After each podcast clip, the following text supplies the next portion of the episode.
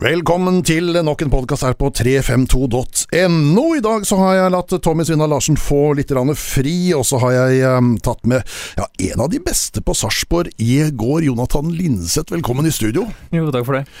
Hvordan var kampen i går? Nei, det er jo alltid tøft å møte Odd på Skagerrak Arena. Og de er veldig gode og tålmodige med ball, så vi bør løpe den litt imellom. Men uh, vi var også gode når vi sjøl hadde ballen, så det ble en jevn kamp. Absolutt. Ja, Det ble en jevn kamp, men dere hadde vel kanskje de feteste og største sjansene gjennom kampen?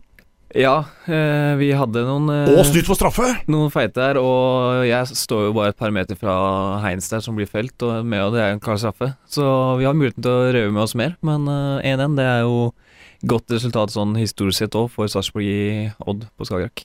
Hva er det for noe med, med dere i Sarpsborg og Odd? Altså Dere har fryktelig godt tak på, på Odd. Kanskje ikke så godt tak på Skagerrak, men, eh, men, sånn generelt sett ganske bra tak på Odd.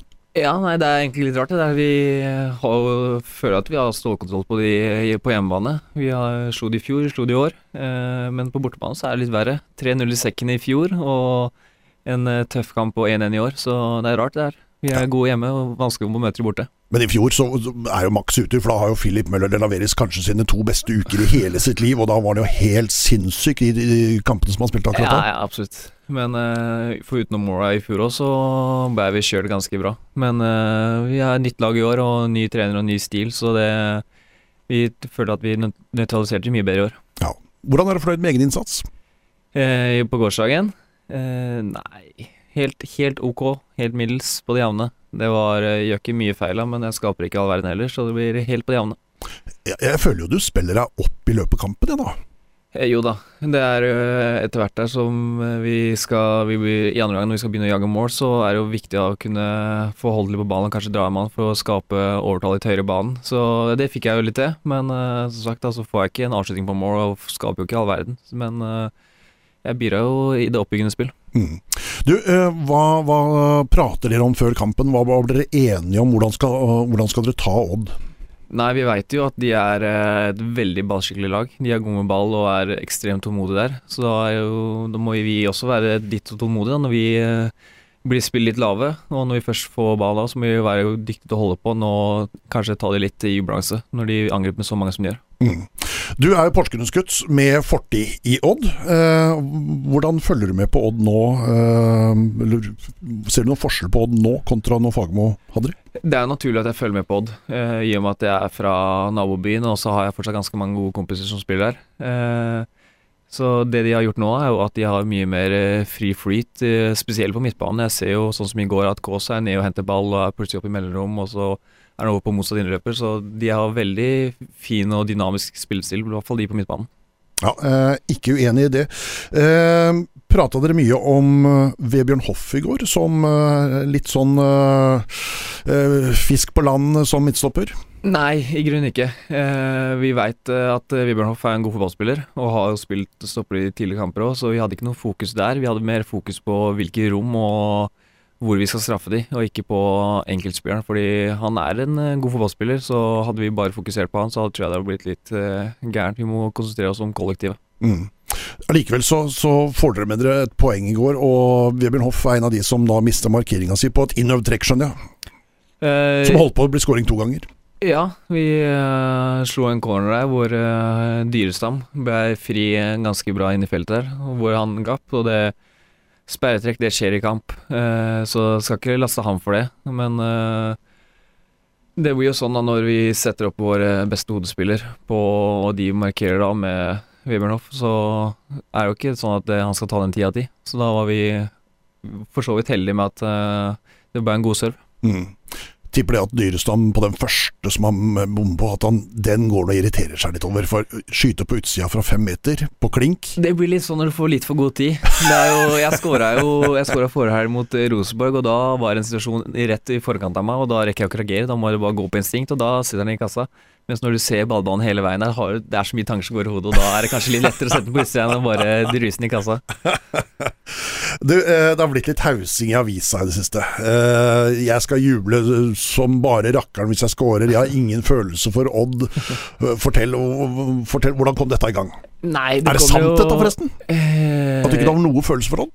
Eh, altså, og er jo klubben jeg så opp til da jeg var liten. Det har jeg ikke noe å si på. Det er jo sånn når du er fra Grenlandsområdet at du ser jo på Odd, og det er jo det som er flaggskipet her. Eh, men jeg var jo i Odd i to år som eh, junior og fikk liksom aldri den der eh, spesielle lagfølelsen eller Hvis du er med og spiller eh, eh, regelmessig i løpet av en sesong, så får du litt forhold til laget, men jeg var liksom en juniorgutt som var der og skulle lære, og ble aldri verdsatt sånn som jeg ville.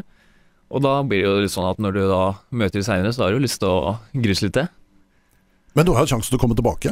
Du ble jo, var veldig ønska der en stund. Ja, absolutt. Og jeg var jo Selv da jeg dro, så fikk jeg en telefon fra Fagmo nær, nær jul der at han ønska å ha meg videre. Men som en, eh, ja, som en troppsspiller og øh, være viktig for andredivisjonslaget og kunne kjempe om en plass. Men da følte jeg igjen at jeg ikke ble verdsatt på den måten jeg ville, og da sa jeg at da vil jeg heller prøve det et annet sted og se åssen det går. Og sitte igjen med den følelsen som blir verdsatt. Altså, det har jeg ikke følt siden jeg var i Porsche og var uredd.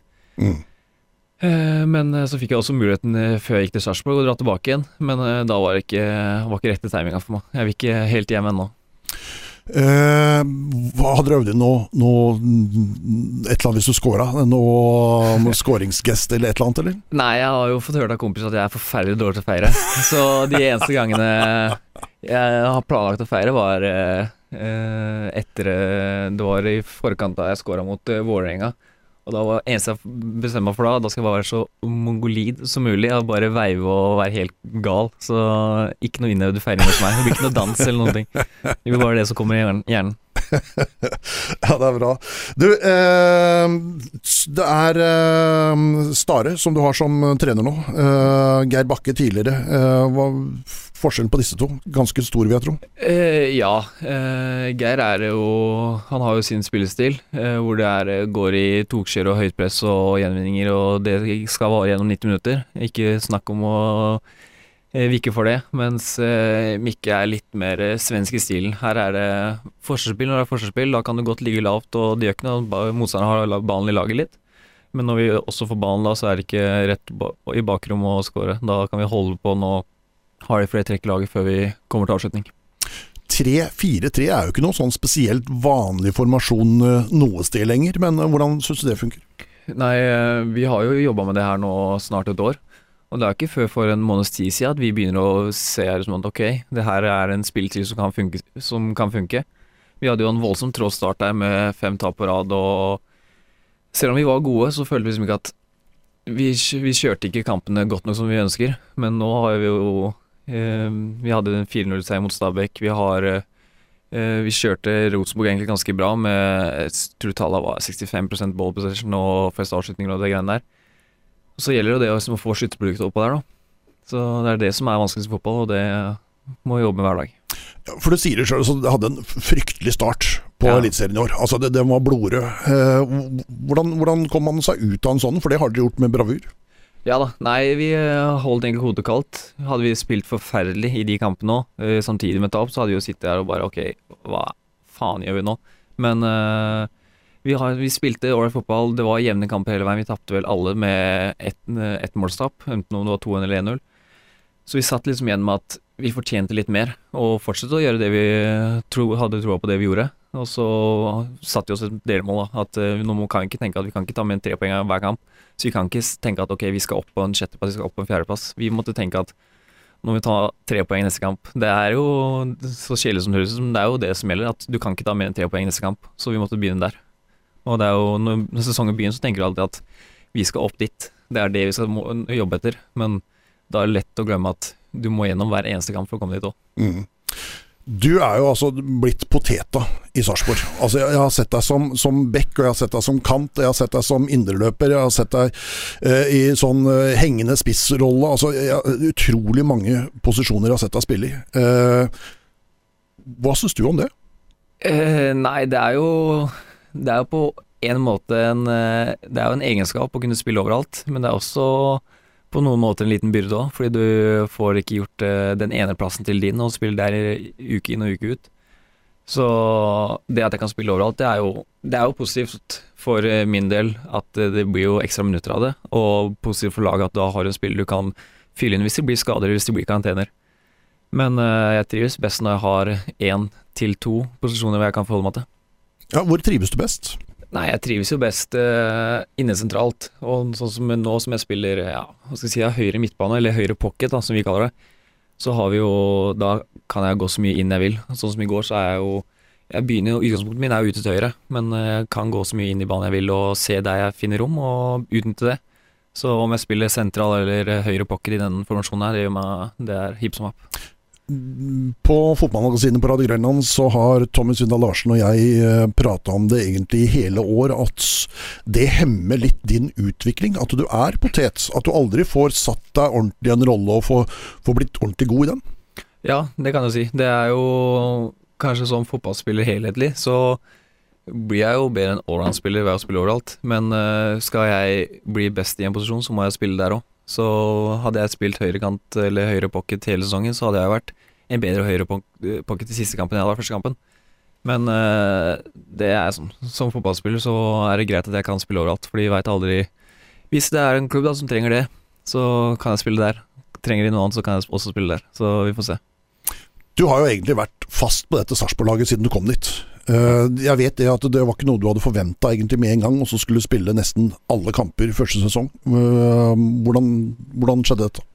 Nei, jeg har jo alltid hatt uh, troa på meg sjøl, så når jeg signerte for Sarpsborg, så sa jeg at jeg skal inn her og spille. Uh, jeg regna egentlig mest med at det blei uh, mer regelmessig enn fast uh, i starten. At jeg ja, kanskje blei et innhopp her og en start der, men det har blitt 90 minutter på 90 minutter, og det er jo Litt eh, mer enn forventa, men uh, nå er det jo ikke noe tvil lenger. Nå vil jeg jo spille alle kamper. For nå føler jeg at nå har jeg noe å bidra med i hver eneste kamp. Og så kommer du jo til et Sarpsborg-lag som da har gjort det fantastisk bra i Europa året før du kommer. Altså 18-sesongen var, var, altså magisk i Sarpsborg. Ja. Eh, og 17-sesongen også, for da, da, kvalifiserte man seg så for europacupspill. Eh, og så har fjoråret blei ganske tungt for ja. Sarpsborgs del. Eh, redda plassen, men eh, det så stygt ut lenge. Uh, og i år også starta dere på nesten verst tenkelig måte, men blir en slags middelhavsfarer i år. Uh, hvordan er det å komme inn i et lag som har vært så godt, og så ikke få til det som folk forventer av det? Nei, det er jo sånn. Uh, da jeg signerte, så klarte jeg jo ikke å tenke forbi liksom at etter et så, tung, et så fantastisk år, så kan det jo så kom et vakuumår. Odd hadde jo det etter at de var i Europa og møtte Dortmund og det greiene der, så året etter blir jo litt sånn man vil jo ha det igjen. Vil, forventningene blir kanskje litt for høye til hva kvaliteten har. Eh, men eh, når vi kom til Sarpsborg, så var jo det var jo en periode der de hadde jeg tror det var nesten ni eller ti tap på rad. Ja. Eh, den høsten hvor de var fantastiske i Europa og eh, ja, like ille i serien. så hvis man ser sånn forbi de eh, enkeltkampene i Europaligaen, så var det en ganske traus høst også. Du, eh, det, er, det, er, ny kontrakt akkurat nå. Var det en no-brainer, eller var det Hvordan var det? Nei, det er en prosess. Det er det alltid. Eh, jeg eh, har jo ambisjoner om å dra til utlandet, som alle andre har. Eh, så må jeg som alltid vurdere Er det tida nå? Burde jeg være her jeg er nå, kanskje utvikle meg til å bli enda bedre spiller før jeg reiser ut, og hele den pakka der. Og så ble det litt sånn etter hvert at serien hadde ikke begynt igjen kontrakten bare var ut året, har jeg nok tid til å vise meg fram for en eventuelt ny klubb.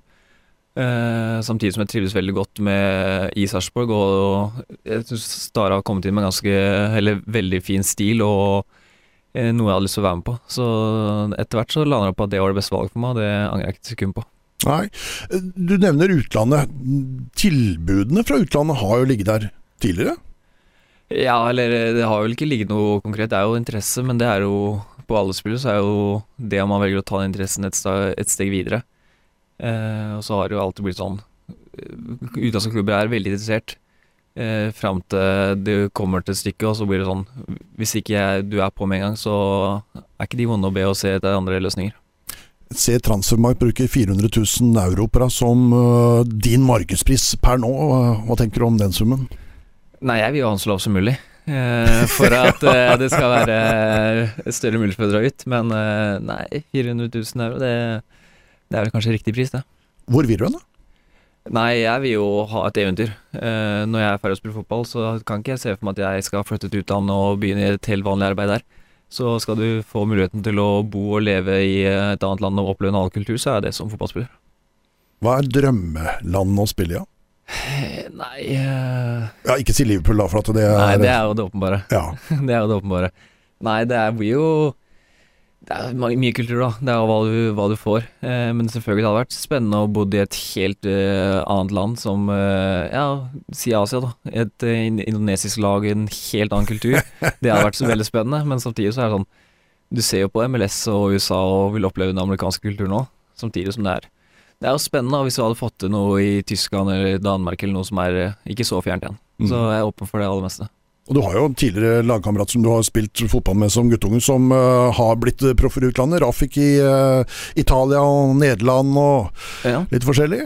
Ja, det er jo De sier jo det at det er jo Det er selvfølgelig hardt den første tida å komme seg ut med et helt nytt språk og all, hele den pakka der, men nei, jeg føler at jeg er såpass uh, folkelig at jeg tror jeg hadde klart meg greit ganske egentlig overalt. Sånn er det når du har 50 Heistadblod i årene, vet du. Da, det er folkelig, da. Det kan være noe med det. Du, eh, men, men disse allsvenske klubbene som var, som var etter deg her en stund, var det ikke noe mer prat rundt dem? Var, var det kun interesse? Eh, nei, jeg prata jo Han Louis Luis Pimenta, han som var i Kongsvinger, han tok jo over uh, Herregud, hva er det laget igjen, da? Stockholmslag. Brommapojkarene. Eh, og da tok han Så han likte meg egentlig veldig godt da jeg var på prøvespill i Kongsvinger, men uh, de hadde, var nyopprykka til Obos-ligaen, og Nystuen ville annerledes, så det ble ikke noe der. Uh, så han tok kontakten da og spurte hva jeg tenkte og sånne ting. Og, men da hadde jeg akkurat signert for Mjøndalen, så da var ikke det så veldig aktuelt da. Men de var jo konkret interesserte. Du har eh, hatt uh, Porsgrunnsgutta rundt deg i, i Sarpsborg eh, tidligere også. Uh, Gunnarsson uh, var der sånn. Du bodde jo i huset her vi sitter for noen år siden. Uh, og så har du da Holtan, som er en Odd-legende som er der nå. Ja.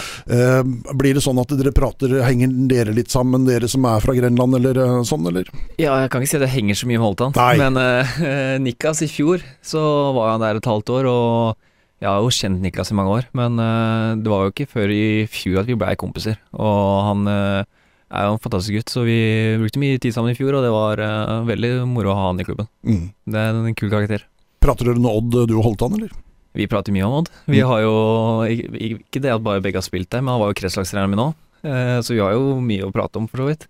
Og så har begge to Han har jo vært lagkamerat med min gamle trener, Erik Pedersen. Mm.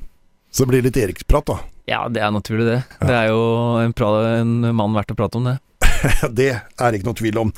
Du, eh, det er noen som har nevnt for meg at du må fortelle om eh, treningsperioden under korona. Eh, hvor du prøvde deg litt her hjemme, hvor du egentlig ble pælma ut av Kjølnes.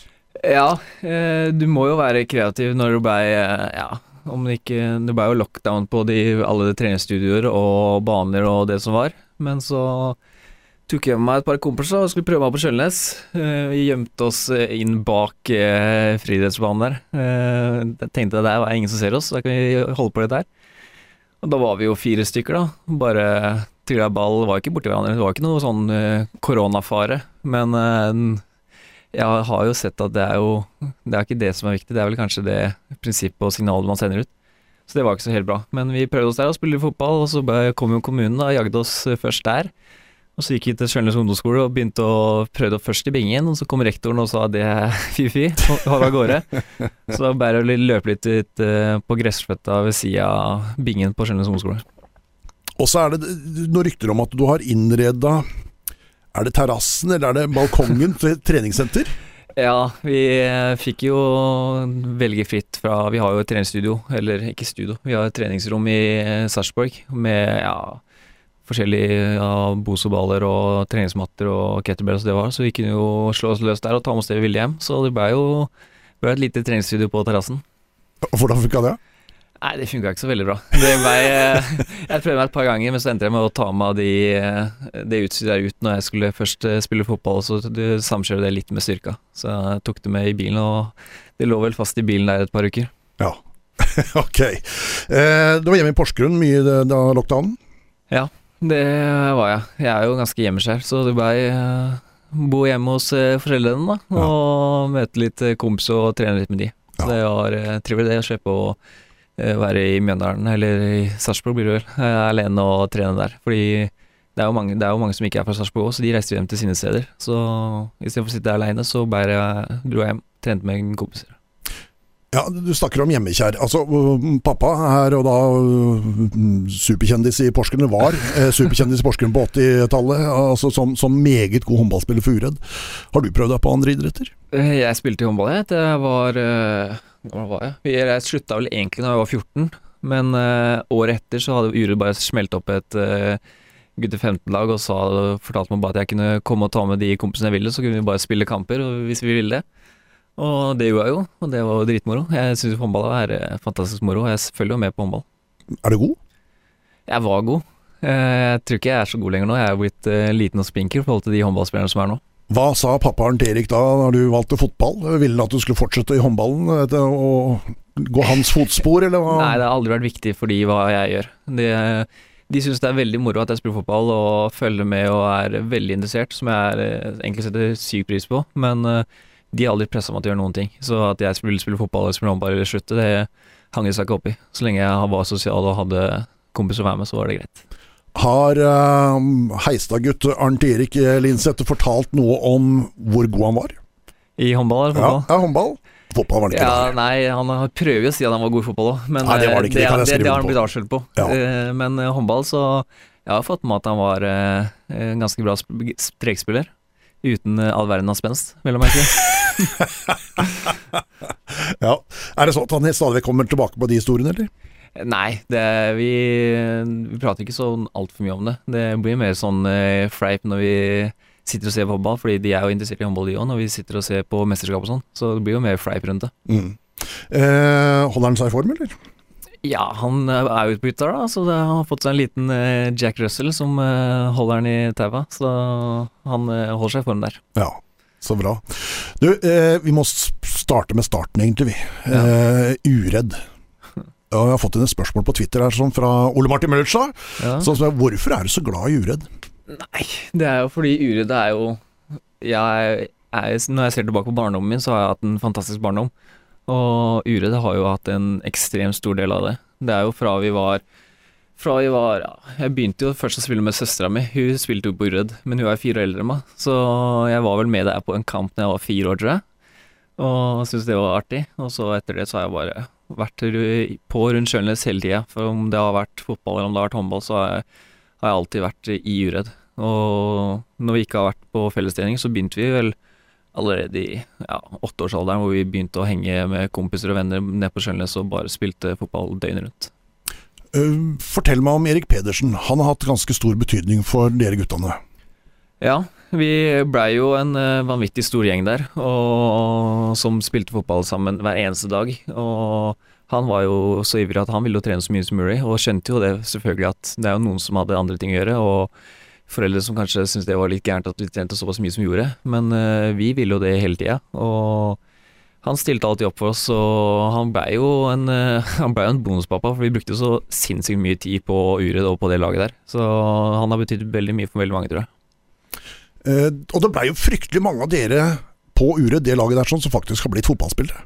Ja, det var eh, Det er jo Vi var veldig gode veldig lenge, og det var veldig mange som eh, prøvde seg med fotball og lykkes med fotball. Og så er det jo sånn at livet drar jo folk i forskjellige retninger, og folk ønska jo å gjøre andre ting. Sånn som f.eks. Tobias Lundeberg var jo kanskje den aller beste av oss, men han har jo en far da som er politimann, og etter hvert som fotballen kanskje Jeg vet ble litt krevende, men han synes, ville jo etter hvert bli med politimann fra fotball, og det er, som, det er jo helt greit. Det er jo, folk vil jo forskjellige ting.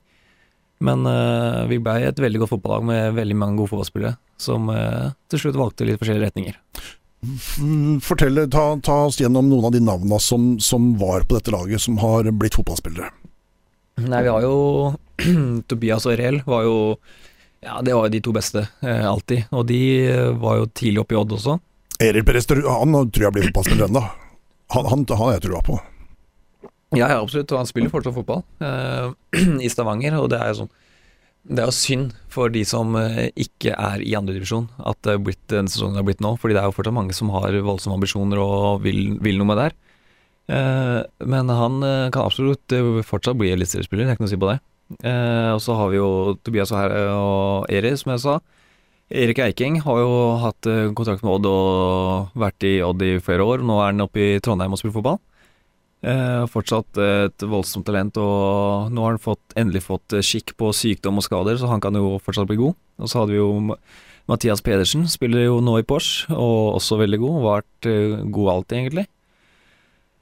Eh, så vi, vi kan jo si Sondre, han var jo innom laget, Rossbakk. Han var innom laget og var med på Var kanskje ikke med på guttelaget vårt, men han eh, kom som 15-åring og spilte for eh, A-laget var med oss på noen cuper, så vi kan ta med han på det laget der. Gjør det, gjør det. Og så har vi jo Herman Lia fikk jo noen eh, kamper for Odd 2 i andre divisjon. Så Martin Johnsen eh, spilte i Nardo i andre divisjon. Så vi har hatt en hel, hel haug. Ja, fantastisk gjeng. Eh, det har vært moro å vært mer på, tenker Ja, jeg. ja, absolutt. Vi, det var det beste vi visste. Å møtes på Løkka. Hvis ikke vi hadde trening, så møttes vi uansett. Så det var fotball det handla om, og fotball alle ønska. Og det var, det var ikke noe tvunget fra noen. Det var, liksom, det var det vi hadde lyst til. Og det er jo Jeg har fortsatt mange av de her er jo bestekompiser i dag. Så det Det har betydd veldig mye. Men allikevel så var det ikke gitt at du skulle bli fotballspiller. Altså, du sleit med sykdom som guttungen, Du fikk sepsis i beinet. Eh, satt i rullestol om det var snakk om amputering. Det er Ja. sant? Ja, det litt overrasket at du hadde fått med deg det. Eh, nei, det var jo Hvilken klasse gikk jeg? Gikk vel i fjerde klasse eller noe sånt. Og det var jo Jeg hadde jo ikke peiling på hva det var for noe. Jeg skulle jo bare ned på Løkka og spille fotball før jeg Og så hadde jeg litt vondt i, oppi lysken der, og så dro jeg hjem, og så skulle jeg på overnatting hos en kamerat. Og så drar jeg ned dit og blir jo ja, blir jo dritdårlig. Eh, skjønner ikke hva det er og har så vondt i beinet. Og så blir jeg kjørt rett opp på sykehuset, og der ja, ble jeg vel liggende et par måneder. Eh, tok jo MR og klarte ikke å rette ut beinet, og det var jo Det var jo krise. Eh, hørte Hørte legene prate med mamma, og det liksom snakka liksom når det ordet amputere kommer opp, liksom. Jeg skjønte ikke hva det betydde da, men jeg fikk det forklart litt seinere. Det var sånn Det er ikke det du ønsker å høre når det eneste livet ditt handler om er å spille fotball og leke. Eh, men eh, det gikk jo bra, da. Det gikk jo bra. heldigvis. Stemmer det at du hadde sepsis to ganger? Eh, jeg hadde vel ikke sepsis to ganger, men jeg har jo hatt eh, en eh, blodforgiftning da jeg var i Mjøndalen. Mm. Så hadde jeg en eh, blodforgiftning også opp lysken, eh, men eh, den var heller ikke like ille. Nei, for, for det, det jeg har hørt, er at det var eh, nær sagt 50-50 om du kunne beholde beinet eller ikke på den tida der. sånn. Ja, nei, det, så ille trodde jeg ikke det var. Jeg, jeg visste jo at, liksom, at det var alvorlig og sånne ting, men du er jo barn, da. Du er ute av sykehus, og så er du ute og spiller fotball, og så glemmer du det fort. Og jeg har ikke sånn at jeg driver jo ikke og tenker på det nå. Jeg har jo ikke tenkt på det siden det skjedde, liksom. Eh, Så jeg er jo selvfølgelig eh, glad for at det ikke ble noe av det. Men Mm. det er ikke sånn at jeg sitter og tenker tilbake igjen på det. Av den gjengen som, som da du var med i Uredd, eh, så har jeg blitt fortalt at du var kanskje ikke det største talentet. Nei. Men det er du eh, som ble eliteseriespiller. Hvor, hvorfor, ble, hvorfor er det du som ble det, og ikke de andre? Nei, det er jo eh, alle mulige årsaker for det. da. Jeg eh, har jo alltid hatt ønske og drøm og ja, viljen til å ofre litt for å bli det. Så fra jeg var liten så har jeg jo Jeg har alltid vært på Jeg var jo på kretslag, men jeg var ikke på noe Jeg var ikke på landslag, jeg var ikke noe på regionsamling. Jeg var, liksom, jeg var på kretslag og var liksom Jeg var god i forhold til laget, men jeg var ikke noe god i forhold til resten av kretsen og landet. Eh, og så kom jeg opp i Odd, da. Jeg var, der var jeg også bak i køen. Eller før jeg dro til Odd, så var jeg jo i Porsche, mens alle, alle ville dra til Odd, og alle ville på junior elite og sånne ting. Mens jeg blei uredd et ekstra år, og så dro jeg til Porsche og ja, valgte egentlig litt min vei. Eh, som i ettertid har jeg vært veldig takknemlig for. Så da har jeg følt liksom litt på det å være viktig spiller og være en eh, Ja, lærte å være en voksen fotballspiller ganske tidlig, da, og ikke eh, drive og spille på juniorlag. Eh, du har jo Altså, du er glad i å trene. Ja. Eh, og, og har vært et treningstalent hele tida. Altså det, voldsomme treningsmengder. Eh, er det derfor? For du har den vilja? Ja, eh, man kan jo Hvis du spør eh, noen på laget, så er det sånn det er, det er ikke jeg, jeg er ikke glad i å gå i gymmen. Det er jo kanskje det verste jeg vet. Det gjør jeg for det er nødvendig. Men jeg elsker å spille fotball, og det jeg jo alltid gjort. Så hver eneste mulighet jeg, Når folk sykla til og fra trening, så gikk jo jeg hjemmefra med ballen i beina og så bare rusla med den istedenfor å sykle. Så jeg har alltid vært ekstremt glad i å spille fotball og ha ballen i beina. Så det er vel heller den treningsviljen der kontra gymmen og sånn som har vært eh, min ting. Og så har du altså enorm eh, motor. Altså du løper langt, og du forflytter deg over store deler av banen i løpet av 90 minutter. Eh, og så har jeg hørt at det var, Odd sa at det måtte du faktisk bli bedre på, det du faktisk var kanskje blant de beste i landet på. Hvordan var den? Eh, nei, det var De hadde vel ikke noe problem med motoren min. Det var kanskje bare at det var eh, kanskje ikke den, eh, den sprekeste motoren i forhold til fart. gammel diesel? Det var en gammel diesel som var eh, li, litt treg i starten. Eh, nei, det jeg fikk beskjed om var at jeg har ikke frekvens nok. Jeg var ikke rask nok, og det det er jo greit nok, jeg var jo ikke det. Det er trenbart? Ja, til en viss grad, så er det det. Men jeg er jo en jeg er som fatter'n, en seig jævel. Som uh, or, or, orker mye, selv om det ikke går så fort alltid. Uh, men uh, det har jeg jo tatt steg på i ettertid, og jobba beintøft med det etter at jeg da ble Ja, kan jo si avskilta litt i Odd, så har jeg trent på det de mente jeg måtte bli bedre på, som jeg åpenbart måtte bli bedre på. Så jeg vil ikke si at det er noe svakhet lenger. Nei, tvert imot. Det er vel din ja. styrke? Ja, det kan du si. Ja, det sier jeg. Ja, det er greit. eh, og så, så, er det da så eh, Fra å ha det kjempegøy med fotball i Uredd, så skal du da gå til rivalen i Porsgrunn, Pors. Hvordan var det? Nei, jeg har jo Nå har jeg jo hatt noen overganger i livet mitt. Da. Jeg har gått fra Uredd til Pors, fra Pors til Odd, fra Odd til eh, eh Mjøndalen? Omsider Mjøndalen. Ja. Det var jo en prosess for å komme meg dit òg. Ja, vi kommer eh, dit. Også fra Mjøndalen til Sarpsborg. Eh, men eh, den overgangen jeg sitter igjen med som var vanskeligst, var overgangen fra Uredd til Pors. Da skulle jeg som, Da har jeg vært i Uredd hele livet, vært med kompiser hver eneste dag. Da har gleda meg hver eneste dag til å komme på trening og ha fantastiske trenere, fantastiske lagkamerater. Og så skulle jeg som ta det lille steget da, for å ja, gå til det ukjente og begynne å ta det her litt mer seriøst enn den leken hadde vært. Uh, og det det satt skikkelig. Brede Halvorsen i andredivisjon, hvordan opplevde du det? Nei, det var jo Det ble en fantastisk overgang, da. Eh, kom inn i Porsche-garderoben der, og jeg hadde jo trent litt med Porsche tidligere, så jeg kjente jo noen av gutta litt. grann. Eh, og ble tatt godt imot og kom inn i andredivisjon der og fikk eh, ja, sjansen tidlig og grep den. Og fotballspillere er rare, da. Så hvor lenge det går bra på banen, så er egentlig alt annet helt greit. Går det dårlig, så er alt et helvete. Så det gikk bra, og da gikk det bra utafor banen også. Men det ble kort tid, i Porsche? Ja, det ble bare en eh, tre-fire måneder, tror jeg. Sånn uh, hvor det ble fotball. Uh, men uh, det var fint i det. Ja. Det ble ikke noe Porsche av den grunn. det kommer det aldri til å bli, eller? Nei, det tror jeg ikke. Nei. Så går det altså da turen til, til Odd. Du, du, gikk på toppidrett uten ja. å være i Odd. Det er ikke så mange som er.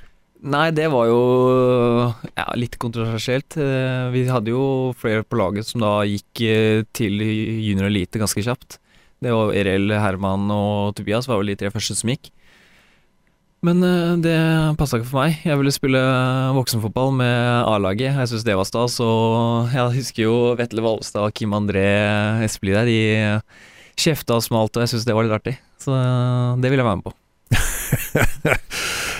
Følte du at du allikevel har mista noe i forhold til de andre gutta som var i systemet der oppe hele tida med dagtreninger på Odd og den biten der? Nei, i grunnen ikke. Jeg prata jo selvfølgelig veldig masse med Erik Pedersen. Da var jo ikke han trener lenger. Han uh, fortsatte da med uh, Begynte da med Marius istedenfor Mathias, og tok over det laget der, siden vi var jo da for gamle til å ha han på juniorlaget. Uh, og da spurte jeg litt han hva tenker du jeg bør gjøre, og hva er best for meg. Uh, og da sa han jo egentlig sånn kort og greit at hvis du drar opp til Odd junior elite, da er du plutselig en av mange igjen. Her er du uregutt. Du kjenner trenerne, du kjenner laget.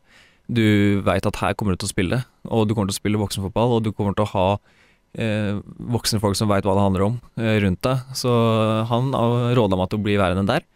Samtidig som jeg snakka da med Terje Abrahamsen og Fernando, Fernando Dionera, som da hadde tatt over urlaget. Så det var absolutt det jeg ville være med på.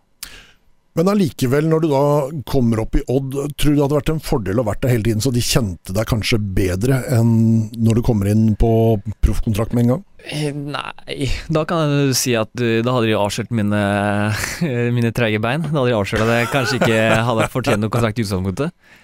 Men eh, nei, jeg tror, ikke, jeg tror, ikke, det hadde gjort noe forskjell. Det jo noe passer, det passer for noen å komme der på, som juniorspiller. Du ser jo Tobias Lauritzen og Kaasa nå, de kommer dit på juniorlaget og har kjempa seg opp og gjort det fantastisk nå. Så det passer for noen, men eh, ikke for alle.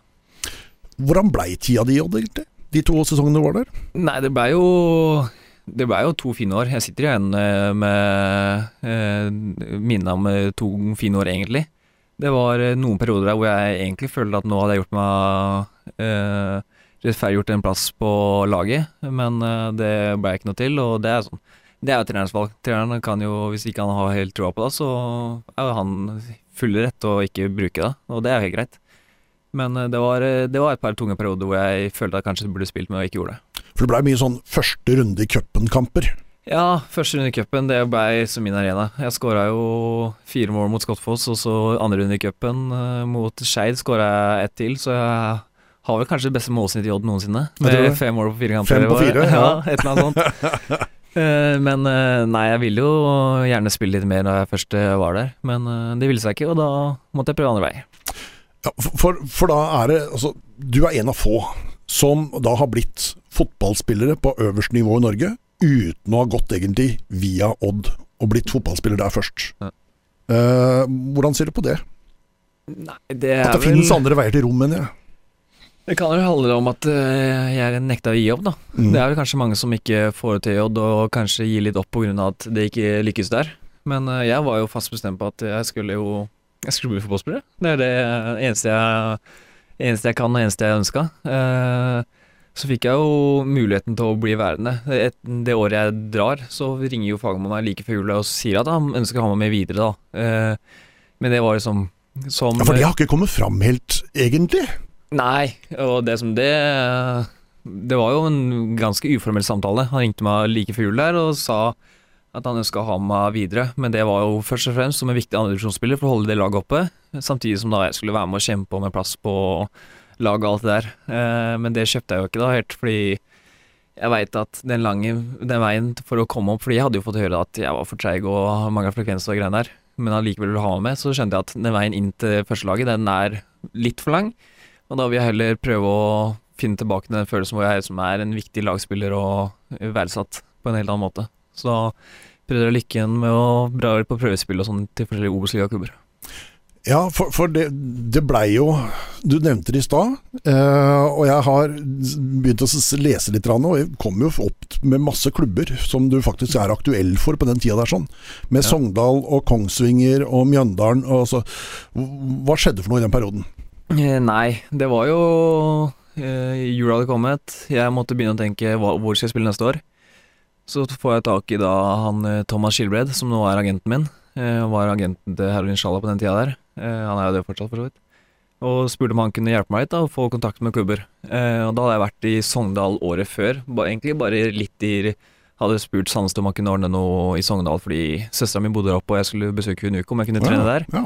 Og det var egentlig litt sånn eh, Litt uformell opp der å trene for Litt for at jeg skulle trene mens jeg var der en uke, og for at de kunne få se meg Eh, og Erik Bakke likte meg, for så vidt. eh, men jeg hadde ikke hørt noe fra de siden da. Uh, og så ringte han da Kongsvinger og hørte om det var mulig å komme dit. Og det var jo helt klart mulig. Og så dro jeg opp dit. Trente tre uker. Fikk høre hver dag at ja, det her det er vi ha. Vi er interessert i deg. Pimenta likte meg veldig godt. Og så etter tre uker da, så tenker jeg at nå er det på tide å få litt svar. Så jeg spør da Nystuen om nå har jeg trent deg i tre uker, nå må jeg ha svar, hvis ikke så må jeg se etter andre muligheter. Og da får jeg en uh, beskjed om at uh, de har nyopprykka til Obos-ligaen. De må gå for rutine. Det er uh, Så de velger da å signere en annen midtbanespiller framfor meg, og som er greit. Det er slag i trynet, men jeg får ta den. Det får prøve andre steder. Og da drar jeg jo hjem. tenker ok, hvor skal jeg dra nå? Petter Belsvik i Fram ringer meg. Hører om jeg er interessert i det, og der var ikke snakk om prøvespill, han ville bare hente meg. Og jeg tenker jo litt på det. Ok, nå har jeg vært tre uker i Kongsvinger. Nå Slutter det seg, nærmer seg slutten av januar. Skal jeg hoppe på det? Eh, men så ringer jo Thomas meg like etterpå og sier at ok, nå får vi prøve Ullkisa. Eh, de er interessert i å ha på en ukes tid. Og da kommer jeg dit og trener, eh, og de er veldig fornøyd. Vi har meg. Eh, mens samme uka som jeg er der, så ringer agenten min meg igjen og sier at ok, nå har vi fått Mathias på prøvespill i Mjøndalen. De er veldig fornøyd, de kommer til å signere den. Uh, er, Mathias Fredriksen. Mathias Fredriksen, ja. Uh, så nå vil de ha, ha deg også på prøvespill, siden jeg sa at du også er uh, i samme kategori som Mathias. Ok. Da sier jeg jo det da til Ullskissa at eh, jeg kan ikke gi noe svar nå, for jeg skal trene med Mjøndalen og se. Og da får jeg et ultimatum. Ok, du får enten takke ja til oss nå, eller takke nei, så må vi se etter andre muligheter. For kanskje å liksom, hoppe på den muligheten jeg hadde. Eh, og jeg stolte litt på meg sjøl, og sa nei til de. Eh, som kunne jo vært skjebnesangers, for så vidt, hvis jeg ikke hadde fått den i Mjøndalen. Og da dro jeg til Mjøndalen, og etter to dager så ville de ha med til, til La Manga, og sa jo egentlig i grunnen at ja, vi signerer deg, men vi må se et par kamper i, i La Manga. Eh, så jeg drar jo ned der og har en god følelse om at det kommer til å bli noe, men jeg kunne risikert å dra der to uker, og så etter to uker sitte igjen uten eh, klubb, og da er vi i slutten av februar. Men jeg tok jo den sjansen, da. Og spille en treningskamp der og spille bra, og få beskjed dagen etterpå at uh, vi signerer når vi kommer hjem. Og det er jo selvfølgelig en stor lettelse. Mm. Så da signerte jeg på 20-årsdagen min. Kult! Det var artig. På 20-årsdagen i februar. I februar. Ja. Uh, ja, Mathias Fredriksen. Altså, det er vel bare Fredrik Sem som har spilt færre kamper enn Mathias uh, siste tre åra. Uh, Ja. Forferdelig skadeutsatt. Ja, det er veldig synd. Han har eh, vært eh, voldsomt uheldig med Har ikke vært det ene, så har det andre kommet. Eh, først så var det jo ryggen han sleit med, og så når han da begynner å komme i form og begynner å Han var med å skyte oss opp til, til Eliteserien, og da var han jo veldig sentral. Men så får han jo da en uh, avrevet hamstring som da blir litt uh, vinglete etter hvert. Som uh, liksom ikke Selv om det gror, så gir det ikke helt slipp og blir litt andre strekk hverandre etter hvert. Ja, Utrolig uheldig for eh, Mathias. Men du kommer til Mjøndalen. Eh, spiller eh, mye. Eh, og får til et opprykk, men du vil ikke være med på det? Eh, nei, første året så kom jeg rett inn i det og spiller jo fast. Eh, ja, jeg tror jeg spilte samtlige kamper jeg var tilgjengelig. Jeg tror jeg satt ikke på benken engang. Ja, For du har vel nesten 100 kamper for, uh, Jeg har for Mjøndalen? 99. Jeg tror det er 99, ja. Jeg har 99, Ja. så den er litt sur. Jeg skulle vært der og fått en til. Men uh, nei, jeg kom inn der og er Jeg kjenner tilbake til den følelsen hvor jeg er verdsatt, hvor jeg er en viktig del av laget, som eh, har vært helt avgjørende for min utvikling. Som uh, jeg har tatt med meg fra Uredd, tatt med meg fra Porsche, tatt med meg fra ja, Mjøndalen. Og nå i Sarpsborg, så det, det er noe jeg setter veldig høyt når jeg har valg av klubb. Hvordan var tida for deg i Mjøndalen? Altså, øh, jeg ser på deg som, som nesten litt for seriøs for uh, bruntrøyene. Ja, eh, der eh, Jeg tror Mjøndalen har De er ekstremt flinke, flinke til å ufarliggjøre ting. Eh, det alvoret rundt kamp, det alvoret rundt eh, trening og alt det der, det er sånn I Mjøndalen så er vi veldig seriøse når vi trener. Du kommer på treningsfeltet, og det er eh, topp kvalitet, det er seriøse økter og sånne ting. Men eh, det mellom treninger, det eh, inn mot kamp, etter kamp, det er ikke så seriøst allting. Det er ikke stokket på liv og død, og det er de ekstremt flinke til å ufarliggjøre, samtidig som det kan bli litt misforstått at når du ufarliggjør det, så går det på tross av profesjonaliteten din, men det er ikke tilfellet. Mjøndalen er en eh, profesjonell klubb, selv om eh, det kan virke som øl og pizza er svaret på alt. Hvordan øh, er pølse i bløyte, da? Det har jeg aldri smakt, og det kommer jeg aldri til å smake. Skal, gjør ikke Nei, det? det nekter jeg. Hvorfor? Nei, jeg har fått det servert, og, men det det hører ikke sammen. Det er ikke Man skal ikke spise de greiene der. Pølse i bløyte på Isaksen stadion, det- eller på Konsto Arena, eller hva det heter nå. Det, eller Nedre Eiker, eller jeg vet aldri hva det heter. Det bytter jo navn hele tida. Nå er det konsto. Nå er det Konsto. Er det konsto. Ja. Eh, men men eh, jeg leste på tror, tror det er din Instagram-konto at uh, du var ferdig i Mjøndalen, så da skriver du noe sånt som 'aldri mer', Vegard Hansen. Ja, nei, eh, Vegard Hansen er jo igjen, da. Det er ikke så nøye det de gjør. Det er ikke så farlig. Han tåler en spøk. Så jeg skrev vel eh, Jeg hadde vel en checklist der hvor eh, jeg skrev opprykk med Mjøndalen. Check. Eh, ønsker Sigurd Haugen lykke til i kvaliken. Eh, check. Og Og eh, aldri mer Vegard Hansen. Check. Check. Ja. Hva mente du med det? Nei, det var vel det at jeg var ferdig med Vegard. At jeg hadde gått uh, signert for Sarpsborg, og nå var den sesongen over. Så da blir det ikke noe mer med Vegard Hansen. Fordi du hadde godt forhold til den, eller fordi du ikke hadde så veldig godt forhold til den? Nei, jeg tror ikke du kan skrive sånn hvis du uh, ikke har så godt forhold til han. Uh, jeg hadde jo det, et godt forhold til han. Så da føler at da er det helt innafor å skrive det. Hvis du ikke har så godt forhold, så Du kan selvfølgelig skrive det, men da blir det kanskje litt mer sak rundt det. Mjøndalen er en klubb som er drifta på, på veldig mange frivillige, eh, som, som, står på enormt for den klubben. Eh, er det sånn, er, er klubben gjennomsyra av det, at det er mye vilje der?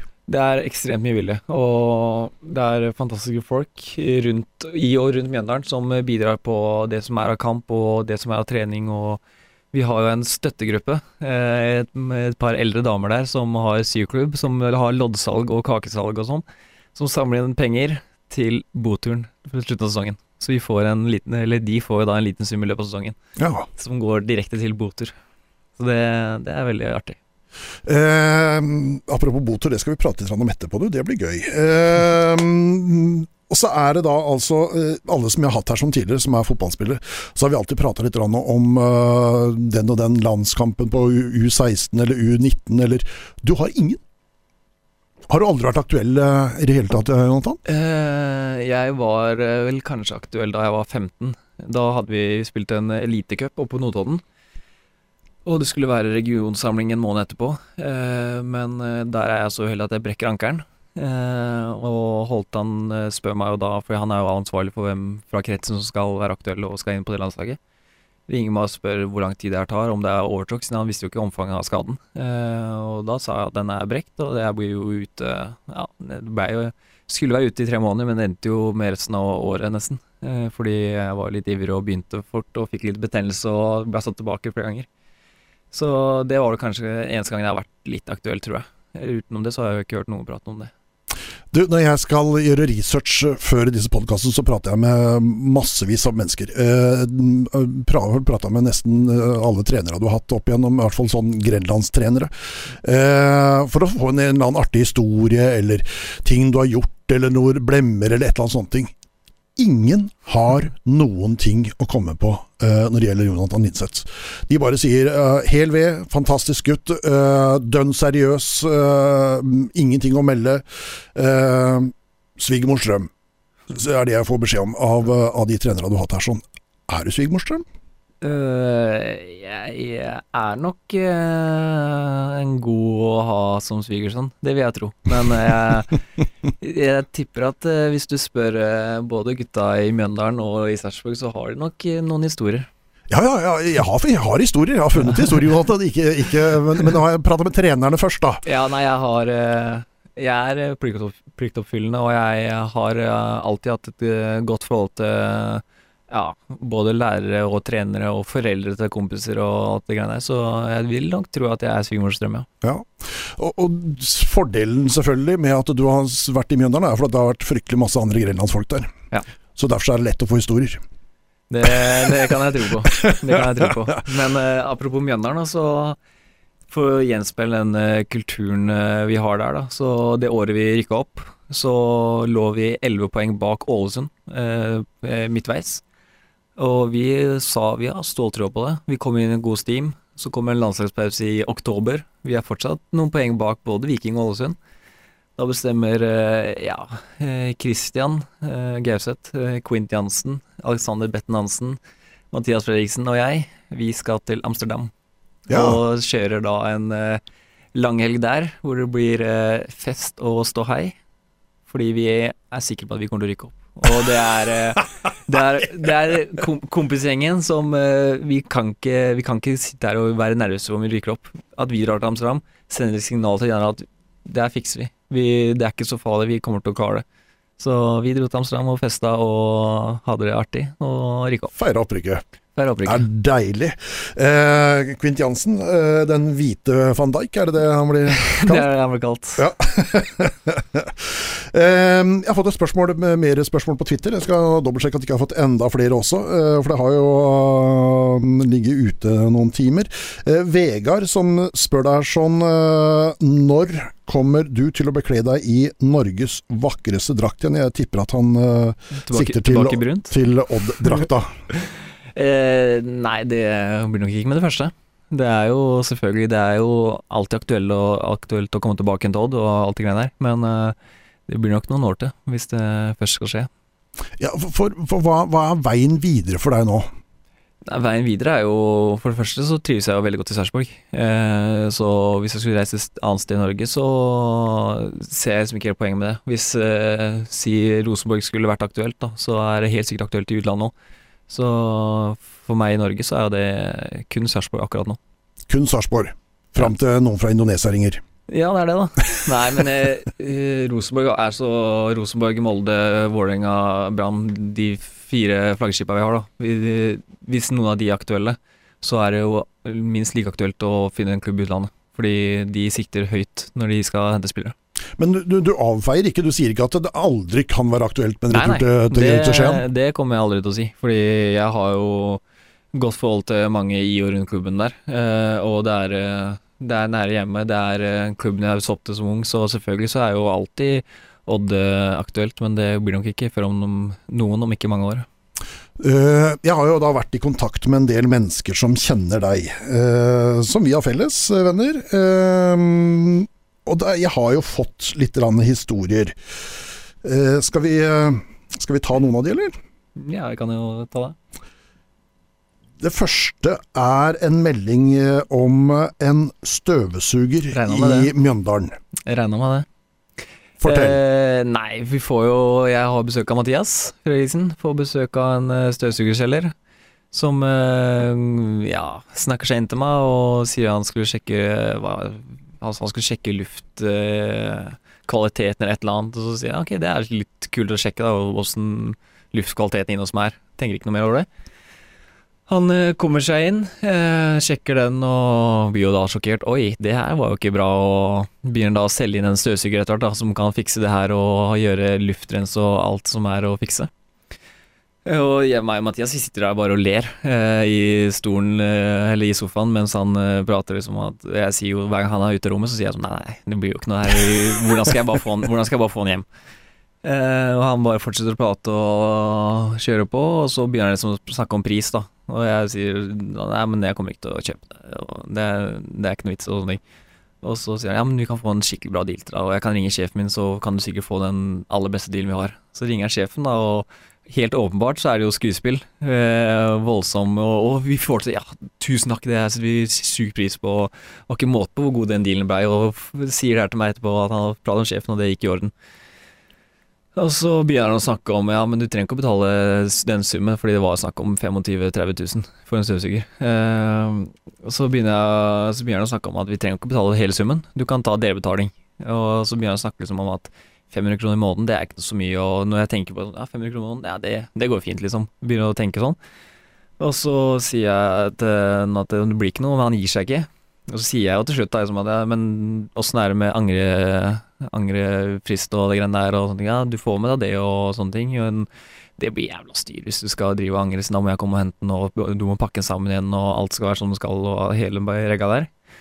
Så ender det med at jeg kjøper den støvsugeren her, da, til 35 nei, 25 000-30 000. Eh, signerer, han går.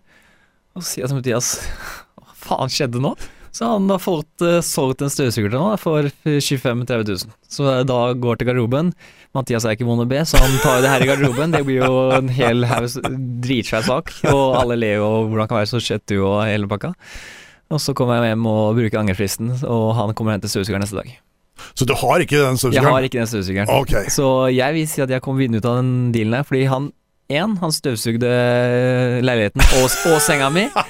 Jeg fikk en penn, og han kom sluker og henta støvsugeren, så jeg kom vinnende ut av det, vil jeg si. En gratis penn der, ja. Ja, en gratis penn og støvsugerleilighet. Det, det, er, det er ikke det de vil huske, men det er det, det jeg sitter igjen med. Derfor det er den vandrehistoria går på at du faktisk har den støvsugeren til 25 000. Ja, det gjør det helt sikkert, men uh, den henta neste dag. Så jeg vil si at jeg kom vinnende seirende ut av den, uh, den saken der. Eh, en annen eh, her har sendt meg en melding som sier at eh, du har aldri til dags dato fullført en eneste film. Verken hjemme eller på kino. Nei, jeg har en eh, tendens til å sovne. Jeg har eh, en tendens til å sovne. Uansett hvor bra jeg syns filmen er, så jeg har ikke sjans.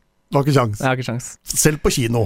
Selv på kino. Jeg har sett eh, Ja, jeg har sett de Ja, jeg har sett eh, det aller meste filmer på kino, men eh, det, jeg, jeg kommer meg ikke gjennom hele. Jeg blir vekt halvveis. Ja, for det, jeg får høre at det holder maks en time. Ja, og det, det er ganske bra, hvis jeg holder det så lenge. Har du aldri sett ferdig en film? Jo, jeg har jo det. Det, det hender at eh, jeg slår til å få, få det til, men det må være midt på dagen og flomlys i ansiktet. men nei, det jeg har ikke sjans. Jeg har du så godt sovehjerte. Ja, ekstremt. Kan du sovne hvor som helst, når som helst? Ja, ja. Det har ikke noe problem. Vi har heldig vært og vært eh, feriert mye da jeg var liten. Så vi har jo flydd til både Thailand og Egypt og sånn, og da legger jeg meg under flysetet, og så har jeg sov- sovna der. Så er det ferdig. Ja, ja. Så våk våkna opp i Thailand. det er deilig. Ehm, og så går det noen rykter på at ehm, den dagen du er ferdig som fotballspiller, at ikke du skal bli slakter. Ok, hva tenker du på da? Nei, det er eh, Snakka med fatter'n nå? det- Det kan ha vært et eller annet med ei høne. Nei, eh, vi har jo hatt masse høner. Og så Mhm. hadde vi en ganske gæren hane som eh, ja, hakka i hjel de andre hønene, så han måtte vi eh, få slutt på. Så da fikk jo meg og Erik Eiking et oppdrag. Vi skulle fange den eh, hana og slakte den.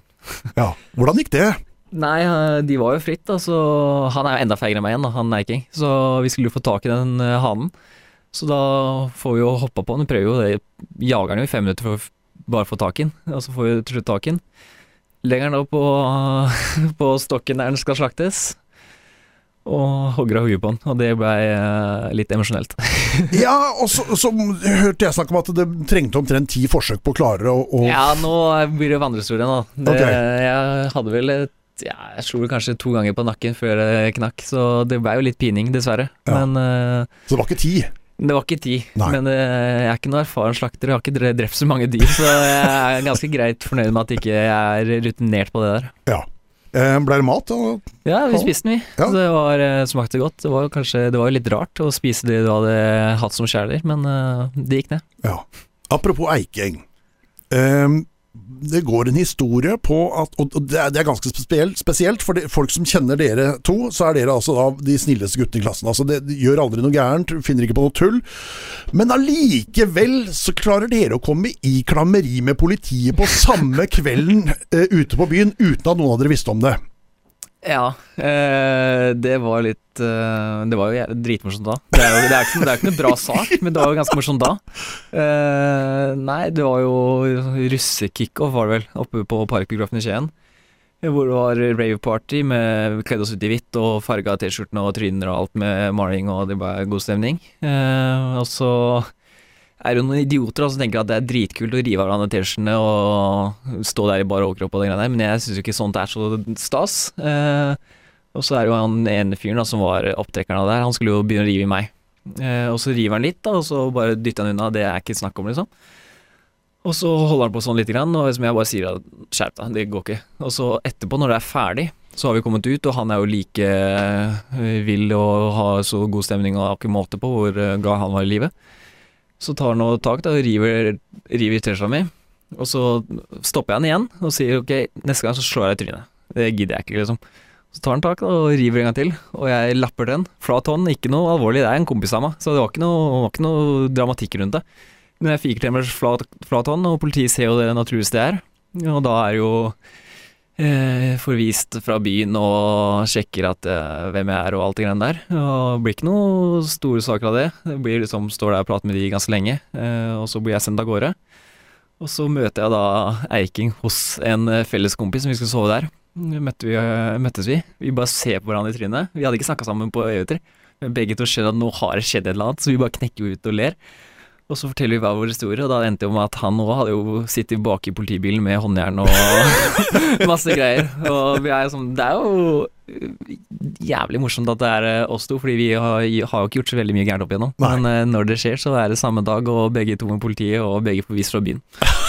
Fantastisk. og så er det jo sånn eh, Du er ikke av de som er de ivrigste på å fly på fest. Er, er det jeg har hørt rykter om. Ja. Eh, men allikevel så er det altså da eh, Det er noe som heter botfest. Eh, og når du hadde rykka opp med Mjøndalen, så var du med på botfesten til Mjøndalen. Ja. Og så havna du rett på botfest også med Sarpsborg når du flytta dit. Eh, hva, tenker du på da? Nei, eh, det er vel at det jeg har fått beskjed om her, at det er eh, noe med en sparkesykkel og uten sko og noe greier. Ja det, ja, det hadde ikke noe med Mjøndalen å gjøre. Ah, det, det var etter sesongen i fjor. Så Ja, Da er det noen, da må jeg ta opp det med vedkommende, for det, her, Ja. var- det var visst noe som Men hang det, det er noe med sparkesykkel og han som er Han er fra Mjøndalen, han jeg møtte, nemlig. Okay. Eh, nei, eh, vi hadde jo holdt oss. Det er jo selvfølgelig euforisk stemning. Det er jo ikke måte på hvor deilig det var. Så da drar vi jo på boter til eh, Stockholm med Sarpsborg, og da drikker vi jo da tre dager på rad. Eh, og når du først er eh, på boter, så er det jo på boter. Eh, så da var jo det ganske hett, eh, ganske vått. Eh, og så kommer vi hjem, og så er det jo da denne Niso Niso-festen.